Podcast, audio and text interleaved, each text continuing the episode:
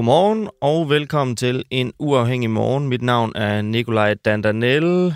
Weekenden er forbi, klokken er syv, og øh, det er jo helt sikkert for de fleste en weekend, der har været præget af den meget, meget forfærdelige historie, der har været om den forsvundne Filippa på 13 år, øh, som jo forsvandt syd for Slagelse lørdag middag, men som øh, i går blev meldt, øh, meldt fundet igen af politiet. Klokken øh, halv otte, der har vi øh, en af de øh, journalister med fra BT, som har fulgt historien øh, tæt hele weekenden til at fortælle os nyeste nyt og hvad der bliver øh, holdt øje med i sagen i dag. Øhm, så har vi øh, tidligere debatredaktør, nuværende øh, kandidat, aspirant for Socialdemokratiet, Magnus Barsø, med til at snakke om, hvad det nu er for noget. Vi har Bjørn Brandenborg med til at forsvare sin justitsminister Peter Hummelgaard. Så skal du høre, hvorfor bankkrisen kommer. Men øh, allerførst, så skal vi høre endnu en BT-journalist.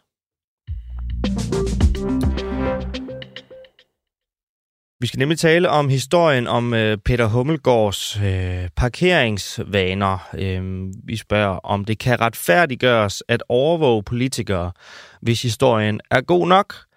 Øh, justitsminister Peter Hummelgaard han har i, øh, i fire tilfælde ud af, ud af syv parkeret ulovligt ved den institution, hvor han afleverer sine børn. Det kunne øh, BT afsløre med øh, dokumenterende videomateriale i fredags. Og siden da, så har den helt store diskussion jo gået på, at det her underlødige journalistik, hvor man ligger bag en busk og filmer en øh, politiker, som gør noget, som øh, mange måske gør sig skyldige i, nemlig at parkere ulovligt. Og det er så uskyldigt, som metoden overhovedet ikke kan retfærdiggøres. Og på den anden side, så har vi jo ligesom hele spørgsmålet om vores justitsminister, øh, som øverste instans for vores øh, retsvæsen, som, øh, hvad skal man sige, kaptajn med den allerstørste kasket på, har et ekstra ansvar for at, at leve øh, rigtig godt op til de regler, som nu er nedsat omkring øh, blandt andet parkering og øh, alle de andre regler, som nu gælder for os alle sammen. Øhm, og øh, nu har vi dig, Peter Astrup, politisk reporter, med fra, øh, fra BT. Godmorgen. Godmorgen. Formålet med at filme Peter Hummelgaard i skjul, øh, helt præcist for jer, hvad var det? Jamen, altså, formålet var jo, at vi havde fået et, øh, et tip, som vi vurderede var troværdigt, om at øh, justitsministeren øh, mere eller mindre helt ignorerede parkeringsreglerne og lovene på stedet derude, hvor han afleverer sine børn. Ja. Og det synes vi var en god historie. Og der taler vi jo lidt om, hvordan, øh, hvordan kan vi dokumentere den historie. Øh, for det er jo ikke nok, at der bare er en eller anden mand, der har sagt, at han har set det ud af sit vindue, eller på gaden, eller hvor han har set det. Ja. Så, øh, så vi beslutter os for nogle enkelte gange i kort tidsrum om morgenen at, at holde øje med, om ministeren parkerer øh, lovligt eller ej. Ja. Og det gjorde han så øh, ikke i fire ud af fem tilfælde. Nej. Øhm, det, der bliver diskuteret, det er jo, om I er ude at overvåge en, øh, hvad skal man sige, en, øh, en Peter Hummelgaard, som har svært ved ligesom at gardere sig. Din chefredaktør, Pernille Holbæl, hun mener ikke, der er tale om overvågning. Kan du prøve at forklare, hvad det er, der gør, at det ikke har karakter af overvågning? Ja, øh, det synes jeg ikke, det har. Fordi hvis du har tale om overvågning, så har du for eksempel sådan en Lars Finsen, som, øh, som uanset hvor han går, står med sin telefon eller i sit hus, eller på området han er, om folk han taler med, bliver overvåget systematiseret. Mm. Vi har været til stede, hvis vi lige præcis skal definere, hvad er det, vi har gjort.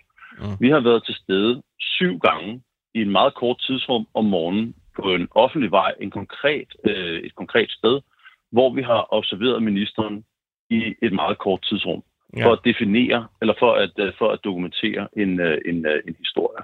Mm. Det er det, vi har gjort. Vi har ikke fulgt efter ham. Vi har heller ikke øh, været efter ham tidligere om morgenen, eller når han forlader stedet, eller noget. Vi har holdt det til lige præcis det der øh, område, hvor vi kunne dokumentere historien. Det synes jeg ikke er overvågning. Det synes jeg er almindelig dokumentation. Så vi har gjort det så skånsomt som overhovedet muligt for, for Peter Hummelgaard. Og når vi har gjort det, så er det jo ikke fordi, det jeg har set mange steder på sociale medier, at folk siger, det er en historie om en mand, der har fået en parkeringsbøde. Og det er det ikke. Altså, jeg har også fået en parkeringsbøde. Det har du sikkert også. Mm. Øh, det er sådan set ikke det vigtige. Det der er, det er, at det er jo landets øverste chef for politiet og øh, den ansvarlige minister for det danske retssamfund, som opfører sig på en måde, som er i lodret strid med, hvad han ellers går og foregår, eller om, at man skal overholde loven osv. Mm. Det vil sige, altså en, en, øh, en minister, som er fuldstændig glad med de regler og, øh, og de love, som gælder for alle os andre. Okay. Det er et moralsk kollaps, og det synes vi er vigtigt, at uh, en tillidsmand, uh, en tillidsvalgt person, som er valgt på sin moral og integritet, at, uh, at det kommer til offentlighedskendskab. Og derfor har vi besluttet os for at tage det her redskab i brug for at dokumentere den historie. Tippet, I fik, det gik udelukkende på hans uh, parkeringsvaner ved den her institution, og det er ikke rigtig forstået? Jo. Mere i forhold til, når du siger, når vi spørger om det er overvågning, så, så henviser du til Lars Finsen, men altså når du så siger, at det ikke er overvågning, det er kun et forsøg på at dokumentere den ene ting, altså I er blevet tippet om, betyder det, at han ikke, mm. øh, altså jeres fotograf ikke ville have filmet, og heller ikke filmet rundt om, hvad Peter Hummelgaard lavede lige præcis på det sted, udover øh, i forbindelse med sin parkering? Altså, øh, altså, det var jo det tip, vi fik og derfor har vi vurderet, at hvis vi skulle dokumentere det, så har han været til stede på lige præcis det sted. Øh, vi har ikke været ude og overvåge ham eller fotografere ham andre steder, fordi det var jo ikke nødvendigt, og det ville vi jo ikke gøre, medmindre at det var det tjente formål. Mm. Så hvad, lad os sige, at Peter Hummelgaard gør noget andet øh, spektakulært på stedet her. Betyder det så, at, øh, at fotografen ikke vil have filmet det, i og med, at du, når du siger, at I ikke er ude for at overvåge ham, så er I kun ude for at dokumentere det her? Altså, var der sket andet, vil I så ligesom have slukket for, for linsen? Altså, det er jo en, altså, det er meget svært at tage stilling til en hypotetisk situation, men mm. lad os nu sige, at øh, altså, du tænker på et eller andet andet, en anden lovovertrædelse, eller et eller andet Eksempelvis. Øh, andet, som, som var en god historie. Mm. Øh, altså, hvis nu han havde, det er klart, hvis han nu havde gjort hvis han nu kom ræsende ned ad vejen med, med 90 km i timen på, på et sted, hvor der er sådan relativt øh, tæt befærdet, der er børn og sådan noget, så er det klart, så havde vi jo også kunne dokumentere det, fordi vi tilfældigvis var til stede. Mm. Og det havde selvfølgelig også været en historie. Men så glider det vel også en lille bitte smule over, over i overvågning. Altså, når der er jo muligheden for, at Peter Hummelgaard foretager sig andre ting før eller efter den parkering, som I jo, hvad skal man sige, kun er ude for at dokumentere. Mm. Nej, jeg synes, det, jeg synes det, er, det er jo rigtigt nok, som du siger. Vi kunne godt have set og gjort et eller andet. Men altså, vi er jo også til stede i, i, øh, i Folketinget og rundt omkring, når de holder pressemøder der kunne i princippet også ske et eller andet offentlig interesse, som vi dokumenterer. Det sker der jo også en gang imellem. Ja. Vi kunne også have set det tilfældigvis, fordi at vi mødte ham på gaden et helt andet sted. Altså hvis jeg var oppe i, i altså, nu vil jeg ikke tale om en person, der kommer til at gøre det, men hvis jeg nu havde mødt en eller anden minister oppe i Netto, som, øh, som havde overfaldet en eller anden, hvor jeg tilfældigvis havde været til stede, hmm. jamen så havde det selvfølgelig også været en historie, hvis jeg kunne dokumentere det. Klart. Så, øh, så, øh, så, så det synes jeg ikke, det er overvågning. Jeg synes, det er, at vi har ganske simpelt sat os et enkelt sted på offentlig vej, og dokumenteret den her historie. Det synes jeg, vi har gjort fuldstændig rimeligt og retfærdigt, fordi det er en vigtig historie, at landets justitsminister er ligeglad med de regler og love, som han mener jo i virkeligheden skal gælde for alle os andre. Alright. Tak for det, Peter Astrup, politisk reporter på BT. Ja, selv tak, og have en rigtig fortsat øh, god dag. Og lige måde. Og så øh, har vi haft en lille udflugt på redaktionen. I fredags der tog vores reporter Magne Hans nemlig turen til Aalborg, hvor TV2 Nord afholdt en spørg mig om alt seance med den socialdemokratiske statsminister Mette Frederiksen. Og det lød næsten for godt til at være sandt for øh, journalister inde på Frihedsbrevet. Fordi siden det nu hed Spørg mig om alt, så øh, sendte vi Magne Hans afsted for at spørge, hvad begrundelsen var for at trække advarslen til departementchef Barbara Bertelsen øh, i statsministeriet mysteriet tilbage. Hun fik i august sidste år en advarsel for tjenesteforseelser, fordi hun ikke rejste spørgsmålet om lovhjemmel til at aflive alle mink over for Miljø- og Fødevareministeriet. Så det vil altså sige, at da hun fik sin advarsel, der måtte vi gerne høre begrundelsen. Men den advarsel blev senere annulleret igen den 24. marts i år af Medarbejder- og Kompetencestyrelsen. Og den begrundelse, den har det offentlige derimod aldrig fået.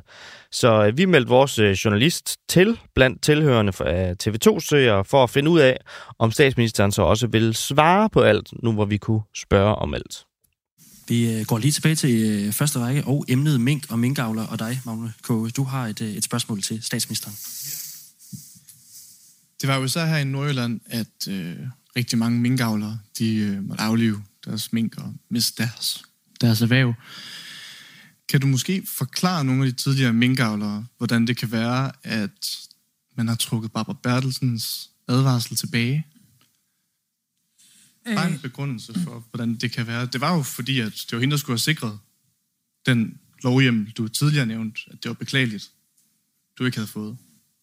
Altså jeg vil sige helt generelt, personalsager øh, synes jeg ikke er et anlæggende øh, for et, et ser- eller et læsermøde. Øh, her er jeg arbejdsgiver, øh, og der, i, som i alle mulige andre sammenhænge, så er der en relation mellem arbejdstager og arbejdsgiver, som tilhører det rum.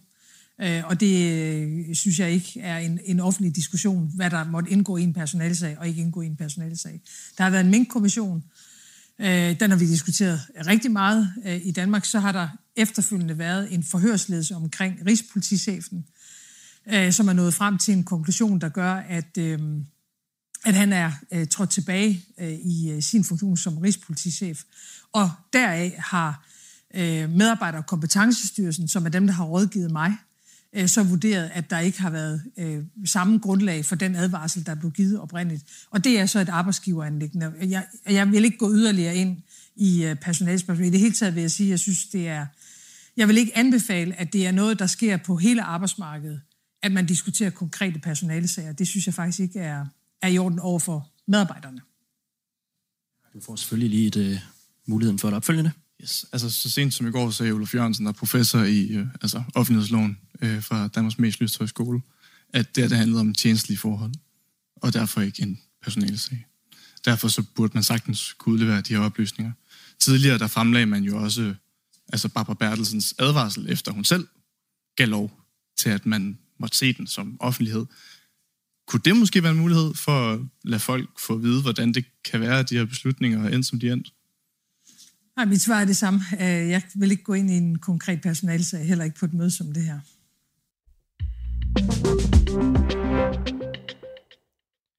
Så skal vi en svingtur tilbage til den gode Peter Hummelgaard. Bør minister have lov til at bryde loven, hvis de har travlt med deres børn?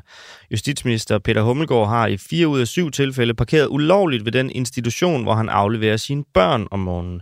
Det kunne BT afsløre med videodokumentation, som vi også har diskuteret med deres øh, journalist lige for et øjeblik siden.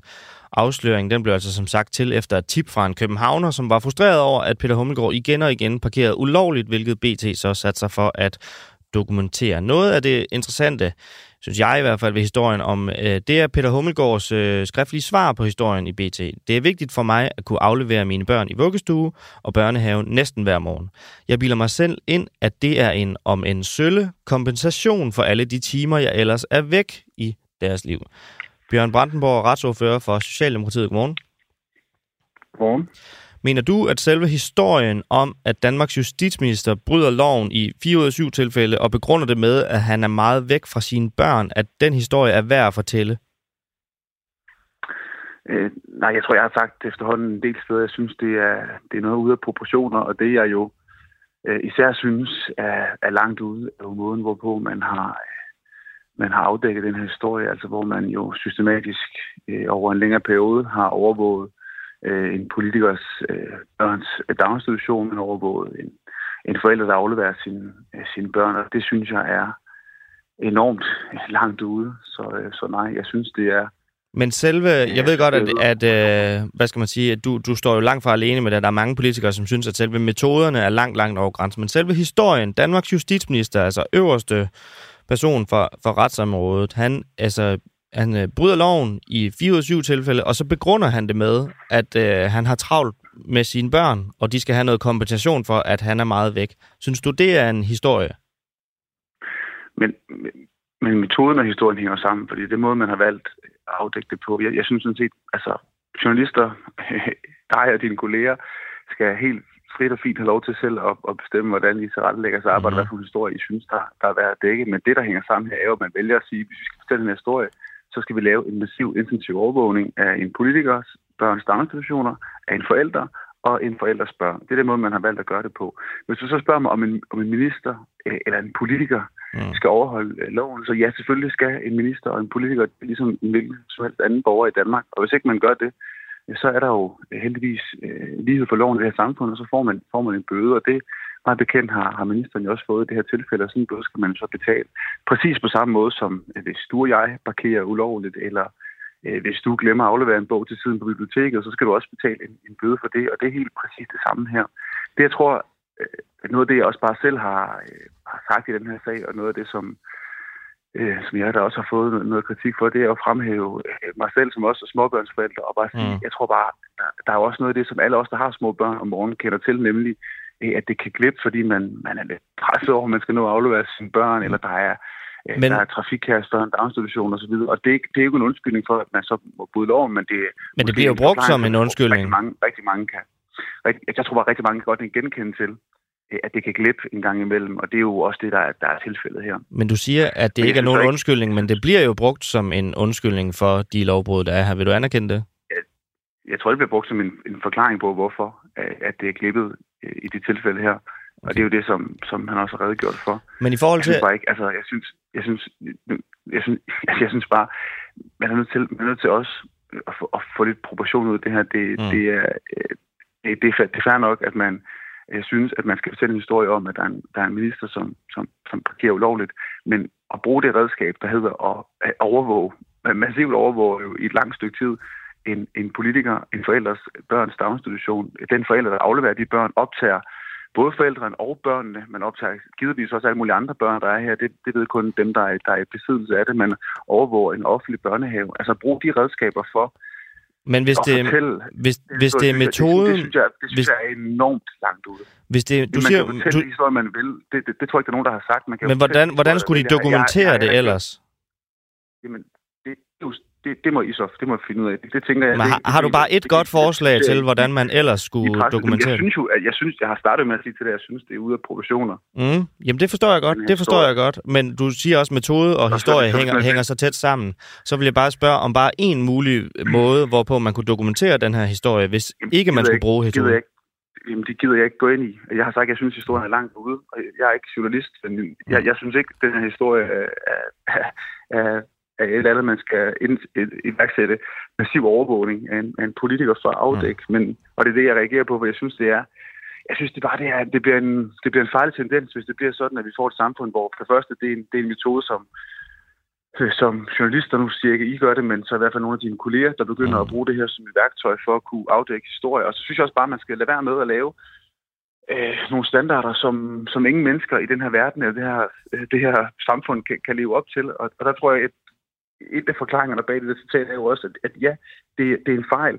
Øh, ja, det begår vi alle sammen, og det er også derfor, jeg siger, jeg synes, det er med at opsætte standarder for politikere, som ingen mennesker i den her verden nogensinde kommer til at kunne overholde. Jeg synes, det men, er, men Peter Hummelgaard er, er vel ikke bare et tilfældigt menneske i, i den her verden. Du siger, at det er præcis det samme for alle de, de børneforældre. Nu er han er justitsminister, og hvis vi nu bare tager øh, politistyrken, som han jo også er, er øverste mand for, der står der i tjenestemandslovens øh, paragraf 10 over for politimændene, øh, at en tjenestemand samvittighedsfuldt skal overholde de regler, der gælder. Ikke nok med, at hvad skal man sige, Peter Hummelgaard, han jo altså, bryder reglerne, men så kan man vel også sige, at han helt omvendt så samvittighedsfrit altså begrunder sine overtrædelser med private forhold, som du jo også er inde på her, at han har travlt med børn. Så altså, han er jo ikke bare hvem som helst. Altså,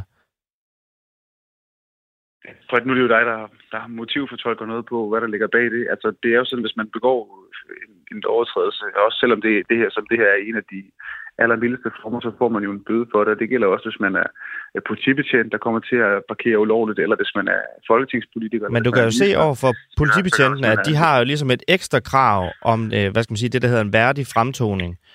Øhm, og dem er, der er justitsminister Peter Hummelgaard måske også indbefattet. Altså, bør han ikke, vi har også en lytter, Tim Olsen her, der spørger, bør Peter Hummelgaard ikke gå forrest? Er der ikke noget om det? Jamen, jeg tror, jeg skal vildt sige, at, at det, det, synes jeg i virkeligheden også, at alle mine, mine politiske kolleger, de, de gør i allerhøjeste grad. Selvfølgelig følger der nogle, nogle forpligtelser med, når man, når man er politiker. Det, det, det der bare kan, der, der, der kan ske for os alle sammen, og som er det, som det er der åbenlyst ikke særlig meget plads til i de her diskussioner omkring det her, men det er jo, at det kan klippe for os alle sammen. Ja. Og, og der er det jo, at, at ja, i, i en fortravlet hverdag, at det kan ske også selvom man er justitsminister. Og så er der jo nok bare heller ikke så mange andre lande i verden, hvor en justitsminister prioriterer at aflevere sin, sine børn, men det er jo en helt anden diskussion. Okay. Men så, øh, nu er I jo meget, øh, hvad skal man sige, fortørnet over den måde, han er blevet overvåget på. Lad os bare tage nogle af de ting, som er, som er, er vedtaget i, øh, i staten Danmark. Der kan man blandt andet bruge luftfotos som dokumentation på overskridelser af byggetilladelser på privat ejendom. Man kan overvåge dankort-transaktioner for kontanthjælpsmodtagere, der kører over grænsen og handler. Altså hvis I er så trætte af overvågning, som det lyder til, når det rammer jer selv, hvorfor har I så indrettet samfundet, øh, sådan at staten bruger overvågning i så høj grad, som den gør? Nu bliver det, nu bliver det også øh, enormt plat, det her. Fordi øh, det, som jeg kritiserer, det er, at man for at fortælle en historie om, at øh, en politiker, en minister har fået øh, en parkeringsbøde, så vælger man at iværksætte massiv, massiv overvågning øh, foran en offentlig daginstitution i Danmark, hvor der går rigtig mange øh, børn, øh, hvor en politiker og en forælder skal aflevere sine børn. Og det er det, der er totalt langt ude, ude af proportioner. Det, jeg, jeg vil meget gerne en anden dag og det vil jeg meget, meget gerne. Det er ikke noget, jeg bare siger, fordi vi er på i radio nu have en diskussion, hvor vi har bedre tid i det her program til at diskutere, hvorfor der kan være brug for, at vi øh, overvåger steder i Danmark, hvor folk f.eks. føler sig utrygge, hvor øh, man oplever, at der er mange overfald, eller hvor der er øh, udfordringer med øh, at kunne føle sig tryg om aftenen eller om natten. Det synes jeg er en meget, meget reel diskussion. Det, det er bare det, som det her det handler om. Det handler om, at der er et politisk journalistisk medie, som har sagt, at for at kunne fortælle en historie om, at der er en politiker, der har fået en parkeringsbøde, så iværksætter vi en massiv overvågning af den person og den persons børn. Den filmer vi i en længere periode, øh, og så fortæller vi historien øh, efterfølgende. Og det er de metoder, jeg bare synes er enormt grænseoverskridende, og som jo faktisk også er, det er jo noget ret nyt i Danmark. Altså, jeg har ikke andre eksempler på, at man på den måde, på samme måde, Øhm, jo, der er et enkelt tilfælde, som er 10-15 år gammel, hvor man rådede en skraldespand, men ellers er der ikke. Men... Det er jo ret nyt, at, at, at, at medier yeah. begynder at sige, at for at kunne fortælle sådan nogle historier, der handler om parkeringsbøder, så iværksætter vi en massiv overvågning af vores politikere. Jo. Og det synes jeg bare, det er en farlig tendens, det er en, det er en ærgerlig tendens, og vi får vi får øh, et dårligere demokrati, hvis det bliver på den måde, det foregår på. Men selv, selvom du nu kalder det plat, altså synes du så, det er vigtigt at afsløre, at en kontanthjælpsmodtager kører over grænsen for at handle ind, end at en øh, justitsminister systematisk vælger at parkere ulovligt? Med mig bekendt har der heller ikke været iværksat nogen systematisk overvågning, der er blevet afdækket BT og nogle af de andre tilfælde, som du nævner der jeg synes helt generelt, man skal da lade være Det er jo ikke BT, der overvåger. Det er jo så i det tilfælde staten. Det er jo lidt større apparat end en fotograf fra BT, der jo, syv morgener i en time sætter sig for at jo. filme Peter Hummelgaards færd. Helt ærligt, altså helt ærligt, jeg, jeg, det, det er jo fair nok, at, at du, vi skal lave en diskussion omkring, om, om man synes, der er for meget overvågning i det her land. Jeg har ikke lavet andet, synes jeg, siden jeg havde fornøjelsen af at, at blive retsordfører. Det synes jeg er helt legitimt. Det er bare ikke det, som det, det handler om. Ja. Altså, det, det, har, det, har, det har intet. Det er det, I brokker jer over. Det er jo overvågning, men I har selv vedtaget altså, overvågning flere gange. Og Peter Hummelgaards forgænger ja, ja, på posten, han, han sagde jo ordret, at overvågning er lige med mere frihed, men det gælder så for alle borgere, men det gælder så ikke, når det rammer jer selv. Men det er jo rigtigt for eksempel at opsætte tryghedsskabende kameraer på S-togstationer, hvor der er i den her tid desværre jo enormt mange, der bliver overfaldet. Jeg synes du, det er en dårlig idé? Jeg er ikke øh, sat i verden for at synes noget. Det er dig, der er politiker. Jeg stiller bare spørgsmål. Jeg siger bare, ja, det, at eksempelvis det ja, Nick Hækkerup, for eksempel det. Nick Hækkerup har ude at sige, at overvågning er lige med mere frihed. Det var jo også ude at, at forsvare, at han, at han siger det. Når han så kan sige det til alle de borgere, der, der lytter med, og I så samtidig bliver så sure, når overvågningen den rammer jer selv, så er der et eller andet, der ikke hænger sammen. Nej, nej, det er der ikke, fordi jeg synes for eksempel, det er en rigtig god idé, at man overvåger efterstationer, hvor folk bliver banket ned. Eller vi har jo set øh, de, i de løbet af de, de sidste par år har været nogle meget, meget alvorlige kriminalsager, hvor man faktisk for eksempel har brugt det, at man har kunne bruge adgang fra offentlige øh, videokameraer for folk, eller folks private kameraer, men også det, at man har kunne få adgang til, til telefonoplysninger, har jo gjort, at man for eksempel har kunne opklare øh, meget, meget øh, grove øh, øh, kriminalitetsformer i Danmark, og blandt andet også øh, opklaret øh, drab og grove voldtægtssager. Og det synes jeg, det er en rigtig god måde at bruge det på. Men det, det som BT lægger sig i scenen her, det er at sige, nu, har, nu vil man lave en ny, ny standard i, i, i dansk politik, og i måden, man afdækker historier på, hvor at man synes, det er helt på sin plads, at man stiller sig foran en daginstitution. Altså en daginstitution, hvor en politiker skal aflevere sine børn, og begynder at intensivt overvåge både den politiker, som også er forældre, og de børn. Og det er bare det, så lad os lave en lang debat om overvågning af for eksempel S-togstationer, eller bruge det til at opklare øh, drab af hun en anden dag. Det har ikke noget med det her at gøre. Mm. Det her, det er, det er tungt ude, det er langt over skiven, og det er en, det er en farlig det er en farlig tendens, og der er ikke to meninger om, hvorvidt at, at politikere eller minister også skal overholde loven. Selvfølgelig skal man det, ellers så får man en bøde for det, men det der med at begynde at systematisk overvåge børn, og en politikers børn og, og daginstitution, det er totalt langt ude, og det er bare det, som, som jeg har kritiseret. Bjørn Brandenborg, tusind tak, fordi at du vil kritisere det i vores radio, retsordfører i Socialdemokratiet. Du må have en god dag. Og lige måde, tak. Og så skal vi lige have en øh, lille nyhed, inden vi går videre. Det er nemlig, at Dansk Folkeparti har fået en ny næstformand, og øh, hun hedder Maj-Britt Birkholm. Og hun var i forvejen medlem af hovedbestyrelsen og blev så i august sidste år præsenteret som folketingskandidat for Dansk Folkeparti i Vestjyllands Storkreds. Det skriver den øh, meget store øh, fan af Bamses venner, Morten Messersmith, der også er formand for Dansk Folkeparti, i sit nyhedsbrev søndag. Morten Messersmith han fortalte på Dansk Folkeparti's sommergruppemøde, at han har fået øjnene op for Majbrit Birkholm via hendes baggrund som politibetjent, hvor hun har en baggrund i øh, National Enhed for Særlig Kriminalitet. Og så er der en anden ting her til morgen, som jeg synes er interessant, det er, at Udlændingsstyrelsen har i flere tilfælde sendt somalier ud af Danmark to gange på få år, selvom afgørelserne før er blevet underkendt af flygtningenevnet. Det var altså også noget af det, vi talte om den anden dag, hvor vi øh, talte med Kasper Sandkær om de store omgørelsesprocenter, der er. Øh, over 70 procent af sagerne omkring syre bliver blandt andet øh, omgjort, øh, når Udlændingsstyrelsen har besluttet at sende dem ud, så er der over 70 procent af tilfældene, hvor flygtningenevnet så omgør efterfølgende. Øh, det er Jyllandsposten, der skriver den her historie her til morgen, og det er en tilgang, øh, som øh, sidste år gik ud over den 32-årige mand, som de i artiklen kalder M, og den metode, den vurderes af flere eksperter i artiklen til at være i strid med menneskerettighederne. Og skal videre til en øh, nyslået socialdemokrat, der efter i overvis at have valgt og fravalgt, hvilke debatindlæg, der skulle printes og bringes i et af landets, øh, en af landets største aviser, Politikken, så kom det i sidste uge frem, at politi- Politikens debatredaktør Magnus Barsø vil stille op for Socialdemokratiet til Europaparlamentet. Det kom frem i en lækket mail, øh, som Altinget havde fat i i sidste uge. Magnus Barsø, godmorgen.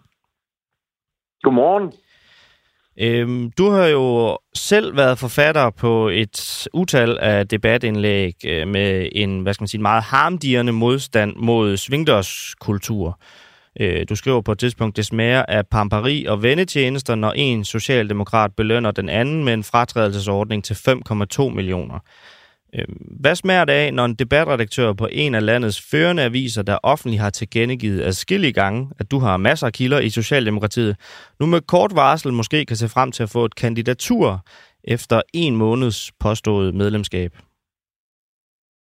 Altså, øh, for det første skal I jo lige forstå, at øh, altså, det er rigtig nok, at en svingdør, den drejer jo hele vejen rundt, men I er med på trafikken, som jeg kritiserer, det er den anden vej, ikke?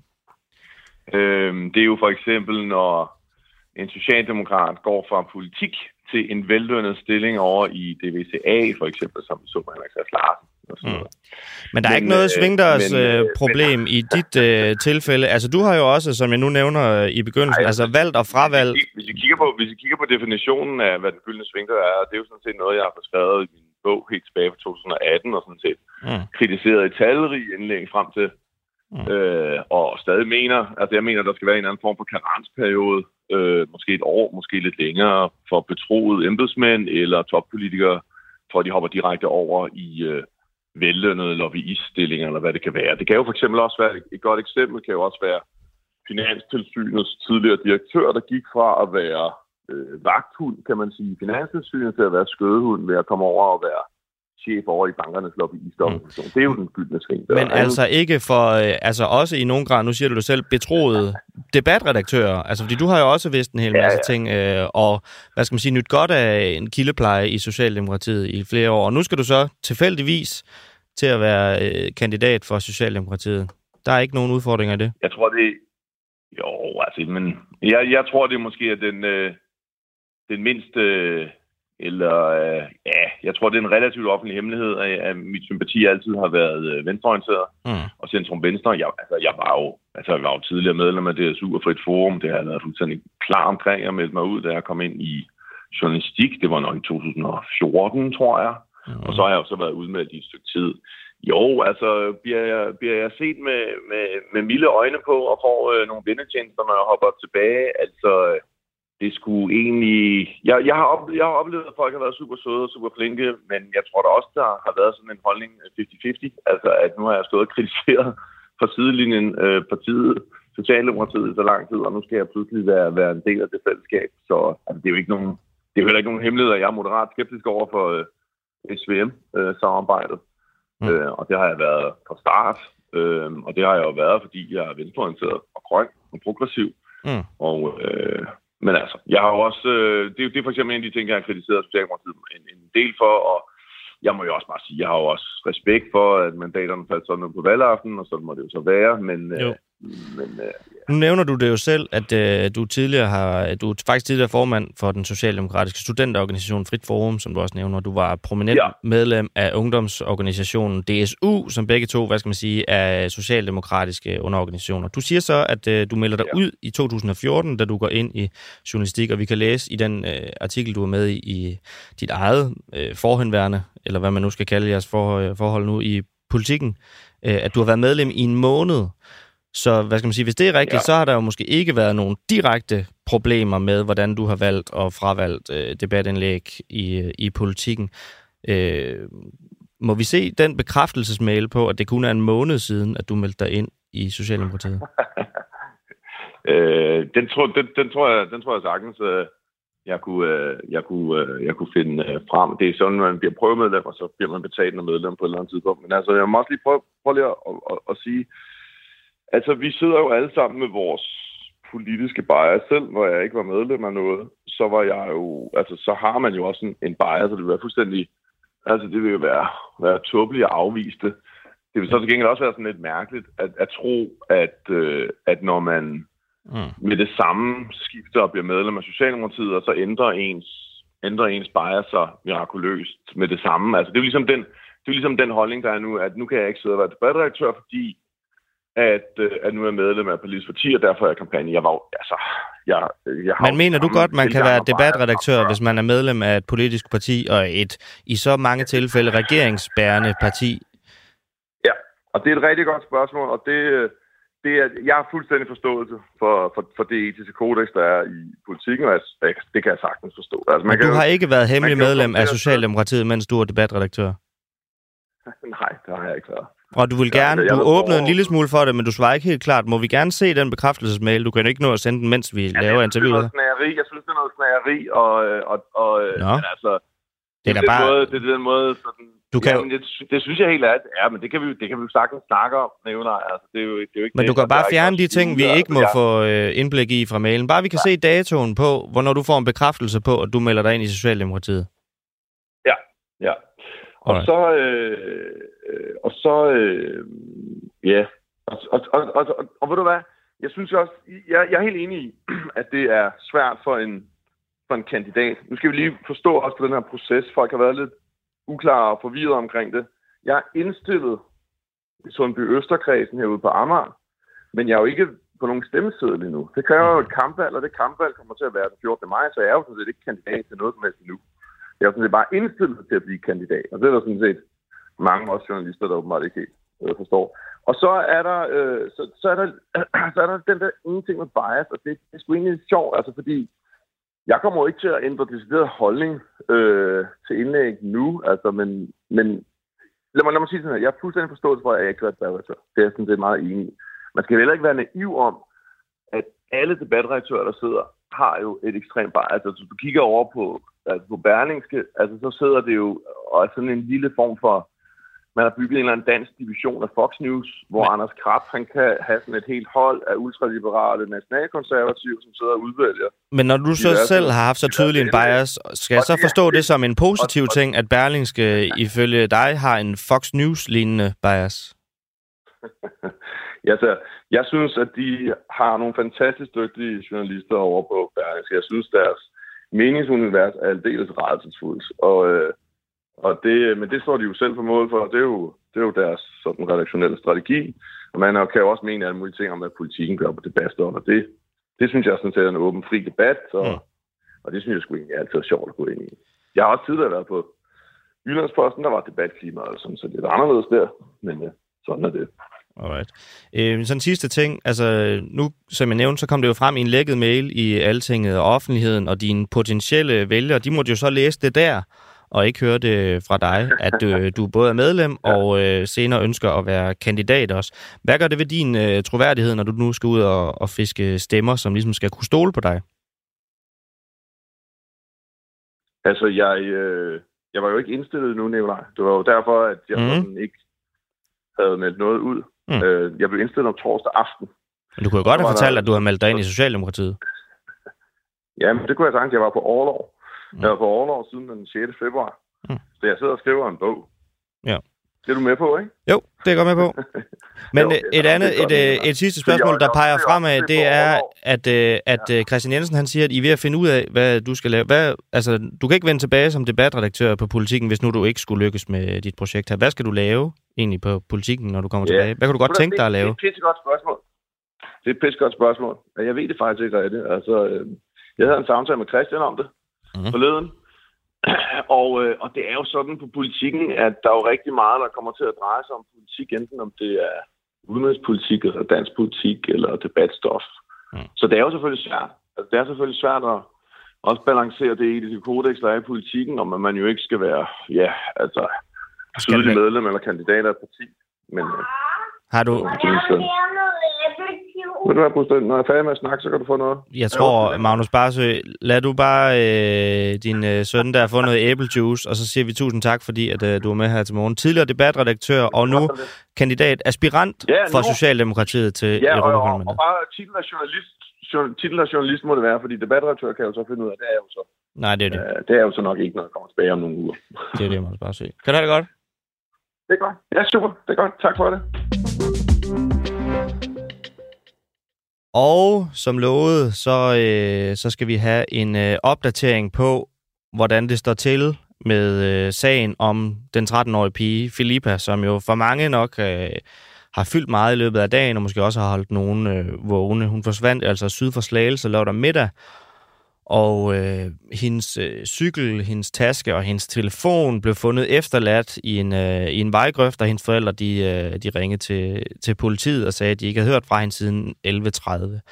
Øh, I alt så er der tre, der er blevet anholdt. De to af dem de er blevet løsladt igen, øh, og så skal vi så have den 32-årige formodet gerningsmand i grundlovsforhør i løbet af i dag. Og øh, nu har vi jo haft en BT-journalist på, og det er jo ikke fordi, at vi, øh, vi skal gøre reklame for deres ting. Det er fuldstændig et, øh, et tilfælde, at øh, det er endnu en BT-journalist, som, øh, som vi skal have igennem til at give sådan en opdatering på øh, helt præcis, hvad det er, der er sket, og hvad det er, vi, øh, vi holder øje med lige nu. Og det er jo en, øh, en aftale, vi har lavet her i, i løbet af, af morgenen, da vi mødte tidligt ind, fordi vi gerne vil sikre os, at vi, vi ligesom også kunne opdatere jer på, på den her helt store historie. Og øh, vi kan blandt andet sige, at Filippas mor, hun siger til, øh, til BT, vi har det godt nu, hvor jeg sidder med min datter i armene. Vi er på vej hjem fra Rigshospitalet i vores egen bil, og øh, det fortæller Filippas mor, Pernille. P- Filippa har det efter omstændighederne godt, og mere har jeg ikke lyst til at sige nu. Franziska Lauritsen, krimjournalist på BT. Godmorgen. Godmorgen. Nu har jeg lige listet nogle øh, få, hvad skal man sige, faktapunkter op omkring, hvad det er, vi ved om den her meget store, meget øh, tragiske og spektakulære sag. Set fra din, altså hvad er det mest øh, bemærkelsesværdige i, i den her sag fra, fra din stol? Jamen, jeg tror, at der, der er jo mange ting. Altså, man er jo stadig sådan lidt i chok og rimelig overvældet over det hele. Altså, jeg tror bare, hele den her efterlysning først og fremmest, altså, var man jo egentlig rimelig berørt over, fordi nu sidder jeg egentlig og skriver rigtig mange efterlysninger, men den her skilte sig rimelig meget ud i forhold til de her omstændigheder med den her cykel, der var blevet fundet, og taske og mobiltelefon. Ja. Og så tror jeg, at hele den her politiindsats med, at der har været så massiv politi og droner og politihunde og helikopter og hele det her med, hvordan lokalsamfundet bare er bakket op om hinanden og har hjulpet til i den her sag. Altså, så, så der er ligesom mange punkter, der, ja, der, der ligesom summerer det, det hele op. Og så nu nævnte jeg, at den øh, formodede gerningsmand, i hvert fald ham, der er anholdt på 32 år, han skal fremstilles. Ja. i grundlovsforhør. Helt præcis, hvad ved vi om ham?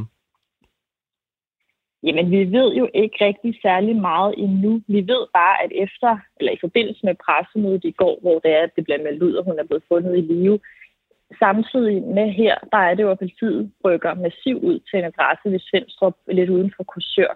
Øh, og det er jo her, man formoder, at den her 32-årige mand er blevet anholdt, og at det er her, hun er blevet fundet. Men politiet har ikke endeligt vil bekræfte, hvad det er præcis, der foregår på den her adresse. Vi kan bare konstatere, vi har talt med en masse naboer i området derude, der i forbindelse med pressemødet lige pludselig ser, at der kommer den her ambulance kørende ind ved den her adresse, og der fem minutter efter bare rykker en masse politi afsted. Og vi taler også med et øjenvidne i den forbindelse, der ser en borger blive båret ud med en person på.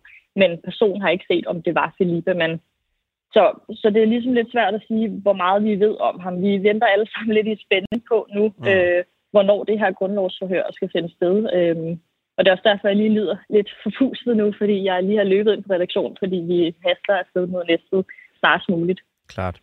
Øh, helt præcist om selve gerningen så, fordi gerningsmanden kan vi ikke sige så meget, øh, den formodede gerningsmand kan vi så ikke sige øh, så meget om, men selve det, der er foregået, altså det, man nu kan gro om, hvad der er sket derinde, hvor meget kan man sige, hvad ved vi øh, om, hvad der, hvad der er hvad skal man sige, blevet gjort ved Filipa i forbindelse med det her?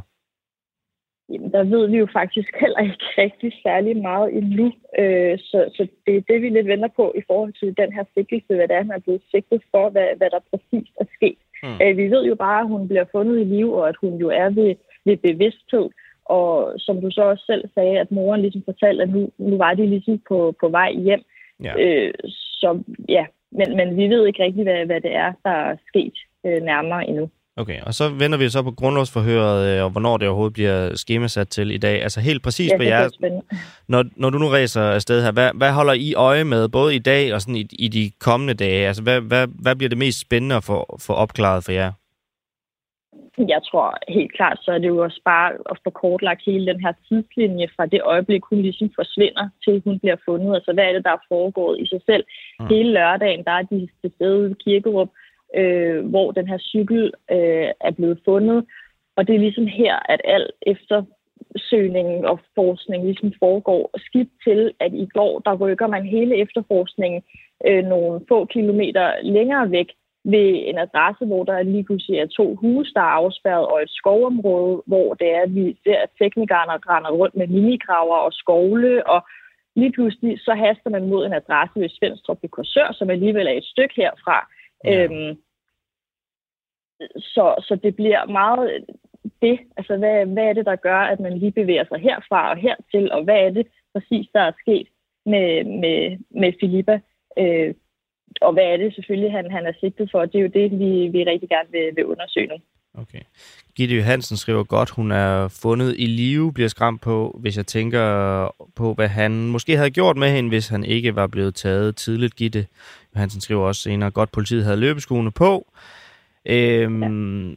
Der er jo flere ting i det her, man, øh, man kan være lykkelig over, men ikke desto mindre, at nu hun er blevet fundet i live, så har, har hun jo været i øh, vedkommendes varetægt i næsten et, øh, et døgn. Øhm... Ja, moren beskriver det i hvert fald som et 27-timers mareridt. Øhm, ja. ja. Helt præcis. Hvad, hvad, hvad siger, nu, nu siger hun jo, nu siger familien jo, jo det her, men sådan jeres øh, oplevelser med, med, med familien, altså hvordan har de øh, taklet det her øh, undervejs? Ja, man kan sige, de har jo egentlig været rigtig, rigtig taknemmelige over for den hjælp, de har fået, og de har jo også været meget ude på Facebook og hele tiden opdateret, så øh, og samtidig har de jo også været meget ydmyge omkring hele den her situation, fordi der er jo folk, der er kommet helt fra Jylland og fra København for at hjælpe. Men de har jo også været meget, meget bange, og, og det er jo også noget, man har kunne mærke på borgere i området, som ligesom også har haft et kendskab til den her familie. Det er jo noget, der virkelig har har ramt alle, fordi det er enhver forældres mareridt, øh, kan man sige. Og øh, hvad hedder det? Ja, og de er jo bare, jeg tror, de er jo rigtig lettet over lige nu, at de har fået hende hjem, og nu handler det bare om, at hun skal have en masse kærlighed, omsorg og, og tryghed, og, øh, og ja. Alright. Franziska Lauritsen, vi skal have dig ud af, af vagten her, så du kan komme videre og ja, lave en hel masse arbejde på den her øh, store sag. Men tusind tak, fordi du havde tid og lyst til lige at være med og fortælle vores lyttere lidt også. Jo, selv tak.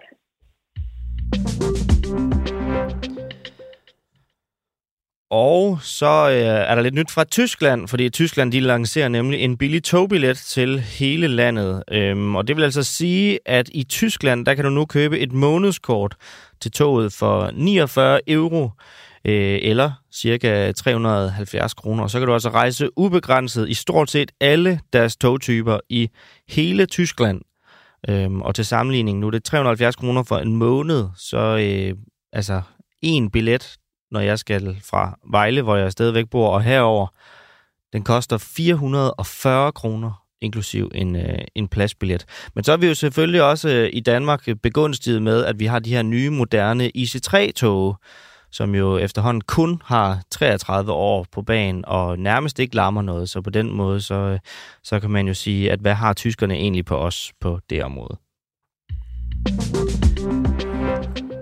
Og så har vi to ting, øh, spændende ting mere tilbage til jer i dag. Øh, til sidst der skal vi tale med Liberal Alliances beskæftigelsesordfører, som har øh, foreslået at halvere dagpengeperioden, om hvad der egentlig er vigtigst. Er det vigtigst at halvere dagpengeperioden, eller er det vigtigst at halvere deres eget eftervederlag politikerne. De perioder, som gør sig gældende lige nu, de er nemlig begge to to år. Så er dagpengesatsen så godt nok en øh, lille bitte smule lavere end vederlagssatsen på knap 60.000 kroner for politikerne, som de kan se frem til i to år, når de på et tidspunkt bliver færdige. Og øh, så skal vi øh, have vendt, om øh, bankkrisen kommer til Europa. Det er nemlig et meget presserende spørgsmål lige nu, hvor vi, øh, hvad skal man sige, i 2023 igen ser de her bankkrak, som vi også har talt en del om i, i vores radio. Det skal vi tale om en kyndig herre, øh, som jeg vil jo forsøge på bedste vis at udfordre på den, øh, hvad skal man sige, øh, øh, gængse fortælling, der er lige nu, at øh, i bankverdenen, at det måske alligevel ser ud til at være overstået. Andreas Steno, uafhængig topøkonom og en af mændene bag Frihedsbrevets nyhedsbrev Fri Værdi. Godmorgen. Godmorgen. Øhm, altså, er de europæiske banker bedre reguleret end de amerikanske? Altså, det korte svar til det er faktisk ja. Øh, når, man, når man kigger på, hvad, øh, de europæiske myndigheder har, har gjort siden 2008-2009, en stor finansiel krise, så kan man sige, at de er gået hårdere til værks i gennemsnit, end de amerikanske myndigheder er. Øh, det er også sådan, at man regulerer små, mellemstore banker i Europa hårdt, hvilket ikke har været tilfældet i USA. Så jeg køber præmissen sådan på, på overskriftsniveau. Det, det, som jeg er, øh, er nervøs for, det er jo, om reguleringen rent faktisk står mål øh, med det, som den har som intention øh, at skulle levere. Og det, det, det jeg konsekvent øh, er, er bange for i den nuværende situation, det er, at den regulering, man har lavet, i virkeligheden primært øh, af, eller inddæmmer den type krise, så i 2008-2009, hvor den type krise, som vi måske står på tærsken af, mm. ser anderledes ud. Så er det ikke sikkert, at reguleringen er nok. Så den er måske ikke tilstrækkelig, selvom at du, hvad skal man sige, anerkender, at den er bedre? Nej, det, det, det kan være det, der er problemet, og øh, der, der er flere forskellige årsager til, at, øh, at jeg kan være nervøs for, at den, den ikke er det. Øh, det. Det er sådan, at når man designer regulering, så designer man altid på baggrund af den krise, man lige har været igennem. Øh, så da man designede den her regulering i, øh, i kølvandet fra 2008-2009, der tog man udgangspunkt i, hvordan den krise så ud, og så designede man en regulering, der gjorde, at den type krise ikke skulle kunne gentage sig. Mm. Men der er meget, der tyder på, at det, der skete i USA, i, øh, i år. Øh, ikke øh, mindet om det, der skete i 2008-2009. Så selv med en regulering, som havde øh, været ensartet med den europæiske, så er det ikke sikkert, at man havde fået forhindret den type bankkris, som opstod i løbet af marts måned i USA. Så min point er, at regulering er altid et skridt bagefter, og ikke et skridt foran de ting, som man ser i den finansielle sektor. Mm. Og så vi har stillet der spørgsmålet flere gange løbende, det her med, om bankkrisen den kommer eller ej, og det er jo også det, der, der, der ligger i det her. Når man følger dig løbende, så virker du mere og mere skråsikker på, at, at det ikke gør den. Altså, hvorfor, hvorfor er du så overbevist om, at der kommer en bankkrise til Europa? Det, det, som vi ser nu, det er meget klare tendenser til, at bankerne har trukket følgehornene til sig øh, i forhold til deres udlånspolitik. Så det vil sige, når du går ned og spørger din bank, om du kan få lov at låne til en bolig, eller hvis du gik ned med din virksomhed og spurgte efter penge til at lave en udbygning eller lignende, så er øh, svaret oftere nej, end det var for to måneder siden. Mm. Øh, og så kan man så diskutere, er det en bankkrise eller en reel økonomisk krise, der kommer på ryggen af, af sådan en bevægelse?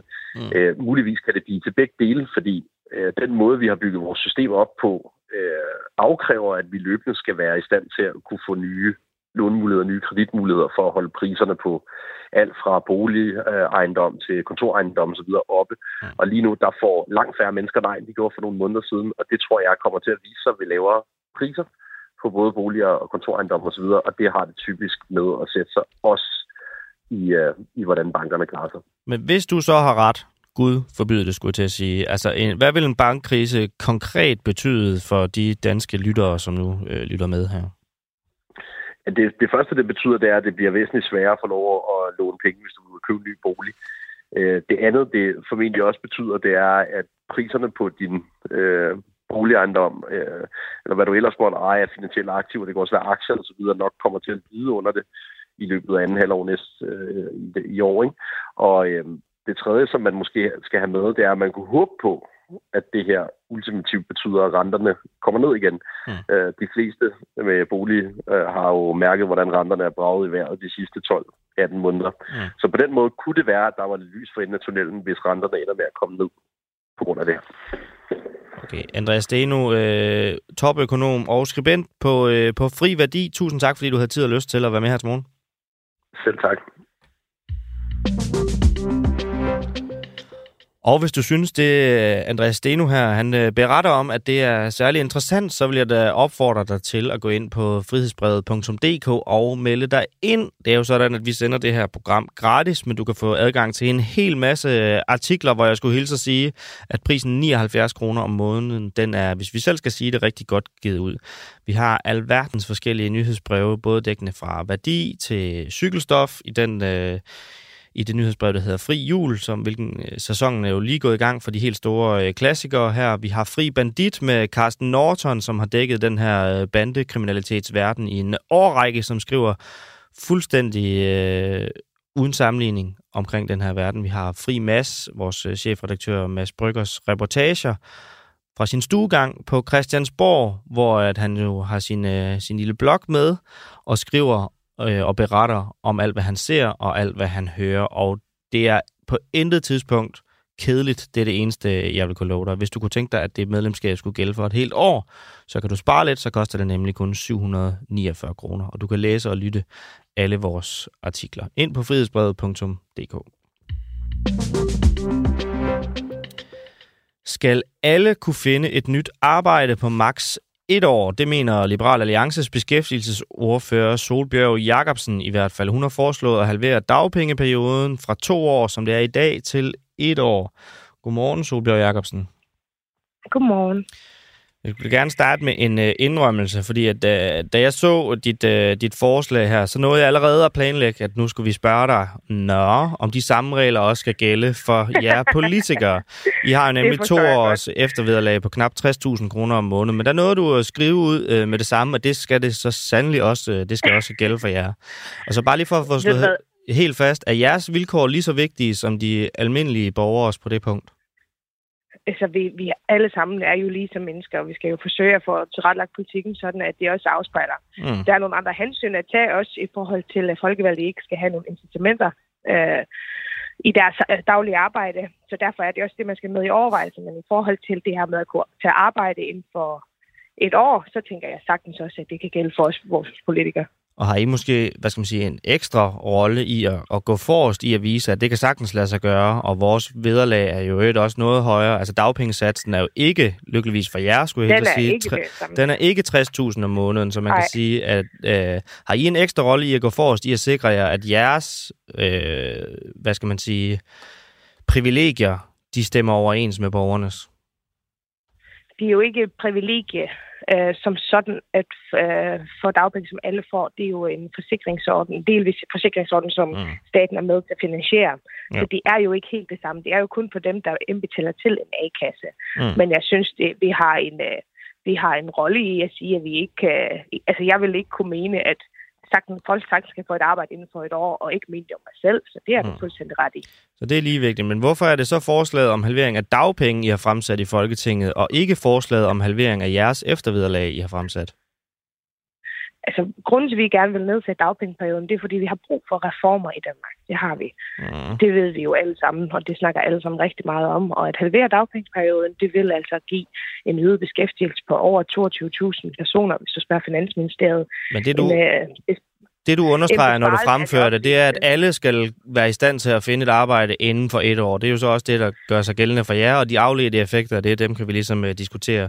Men hvis alle skal kunne det, og jeres, uh, hvad skal man sige, jeres forhold, de er lige så vigtige som borgernes, hvorfor det så, igen spørger jeg, forslaget om halvering af dagpenge, I har fremsat, og ikke forslaget om halvering af eftervederlag, det har I jo ikke fremsat endnu. Det er ikke, at vi skal have alle i arbejde. Det er ikke det, som vi fremsætter. Jeg ved ikke, om du også læst fremsættelsen det er, at vi har brug for reformer i Danmark for at sikre vores fremtidige velfærdssamfund, som vi gerne sørger Men forslaget går, vel, forslaget går vel på at halvere dagpengeperioden. Er vi enige om det? Det er vi enige om. Nå, men så er det bare, jeg spørger igen. Hvorfor er det ikke forslaget om halvering af eftervederlag, vi nu hører om i Folketinget? Det, det kan du godt fortælle, at I, at I synes, det er en Nå, god idé, men det er jo ikke det, I har fremsat i Folketinget. Ja. Nej, SF har også snakket om, øh, øh, politikernes vilkår havde også et beslutningsforslag på vej. Det som er, mm. det er, der har været en vederlagskommission, som har lavet nogle anbefalinger, mm. som regeringen har, har budt op til dans nu her i den kommende periode at få implementeret. Og der er der allerede også at få nedsat øh, eftervederlagsperioden til et år. Okay. Så, så det er på vej. Altså, når vi sætter beslutningsforslag som opposition, så kan vi håbe, at det går igennem. Mm. Men hvis vi, øh, hvis vi kan danse med regeringen og være enige om det, så er der øh, langt højere sandsynlighed for, at man får det igennem.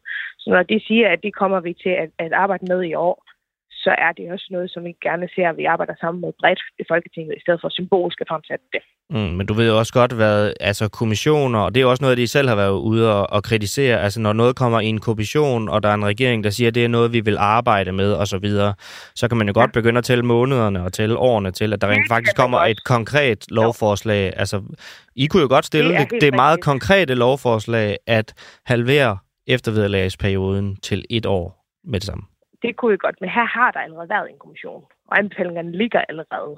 Mm. Så hvad er det der, der præcis, der holder jer tilbage fra at stille det forslag? Der er jo, øh, som det ser ud lige nu, så er der ikke folketingsvalg lige om lidt.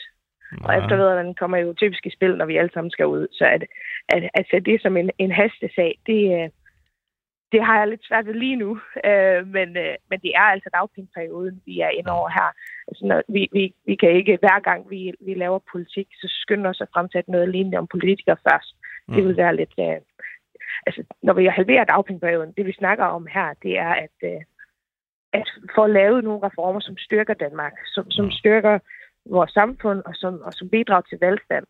At halvere vederlagsperioden, selvom det er du har helt ret i, at der er meget symbolik i det. Det er jo ikke det, der kommer til at sikre Danmarks fremtid. Fordi det er jo ikke det samme beløb, fordi det er så få personer. Mm, det er øh, rigtigt. Så på den måde er det, er det jo en, en, et forslag, vi fremsætter for at styrke Danmark, og, øh, og som vi ser som, som nødvendig reformpolitik. Og der bliver vi, der bliver vi nødt til at skille ad i forhold til, hvad, hvad er det, vi gør af, øh, men du må gerne, altså, for du, Danmark. Og, man kan jo godt kalde ja. det symbolik, men det er vel vigtigt at, at sige, at når man, øh, når man foreslår at forringe nogle vilkår for borgerne øh, nu og her, at man så måske ja, signalerer, at, øh, at vores egne, altså endnu, selvom I er få mennesker, så de beløb, I modtager knap 60.000 kroner om måneden, det er jo trods alt noget hårdere. Så selvom det er symbolik, så kan det vel godt være vigtigt. Det kan det sagtens, og det er også derfor, at altså, SF havde jo også øh, forslag for borgerne om politikerne. Og grunden til, at man trækker dem, det er, fordi de siger, at det bliver her i indværende år, at vi går i gang med, for, med at uh, forhandle om det her og få fremsat lovforslag om det. Okay. Solbjørg Jacobsen, beskæftigelsesordfører for Liberal Alliance. Tak fordi du var med. Selv tak. Således gik der lige øh, knap en time. Den er blevet halvandet minut i 8. Mit navn er Nikolaj Dandanel. Oliver Noppenau var ved knapperne og ved slikskålen ude i teknikken i dag og sørgede for, at det hele det gled, som det skulle. Peter Svarts var redaktør, og i morgen igen klokken 7, men sanden, der er vi tilbage med endnu mere en uafhængig morgen.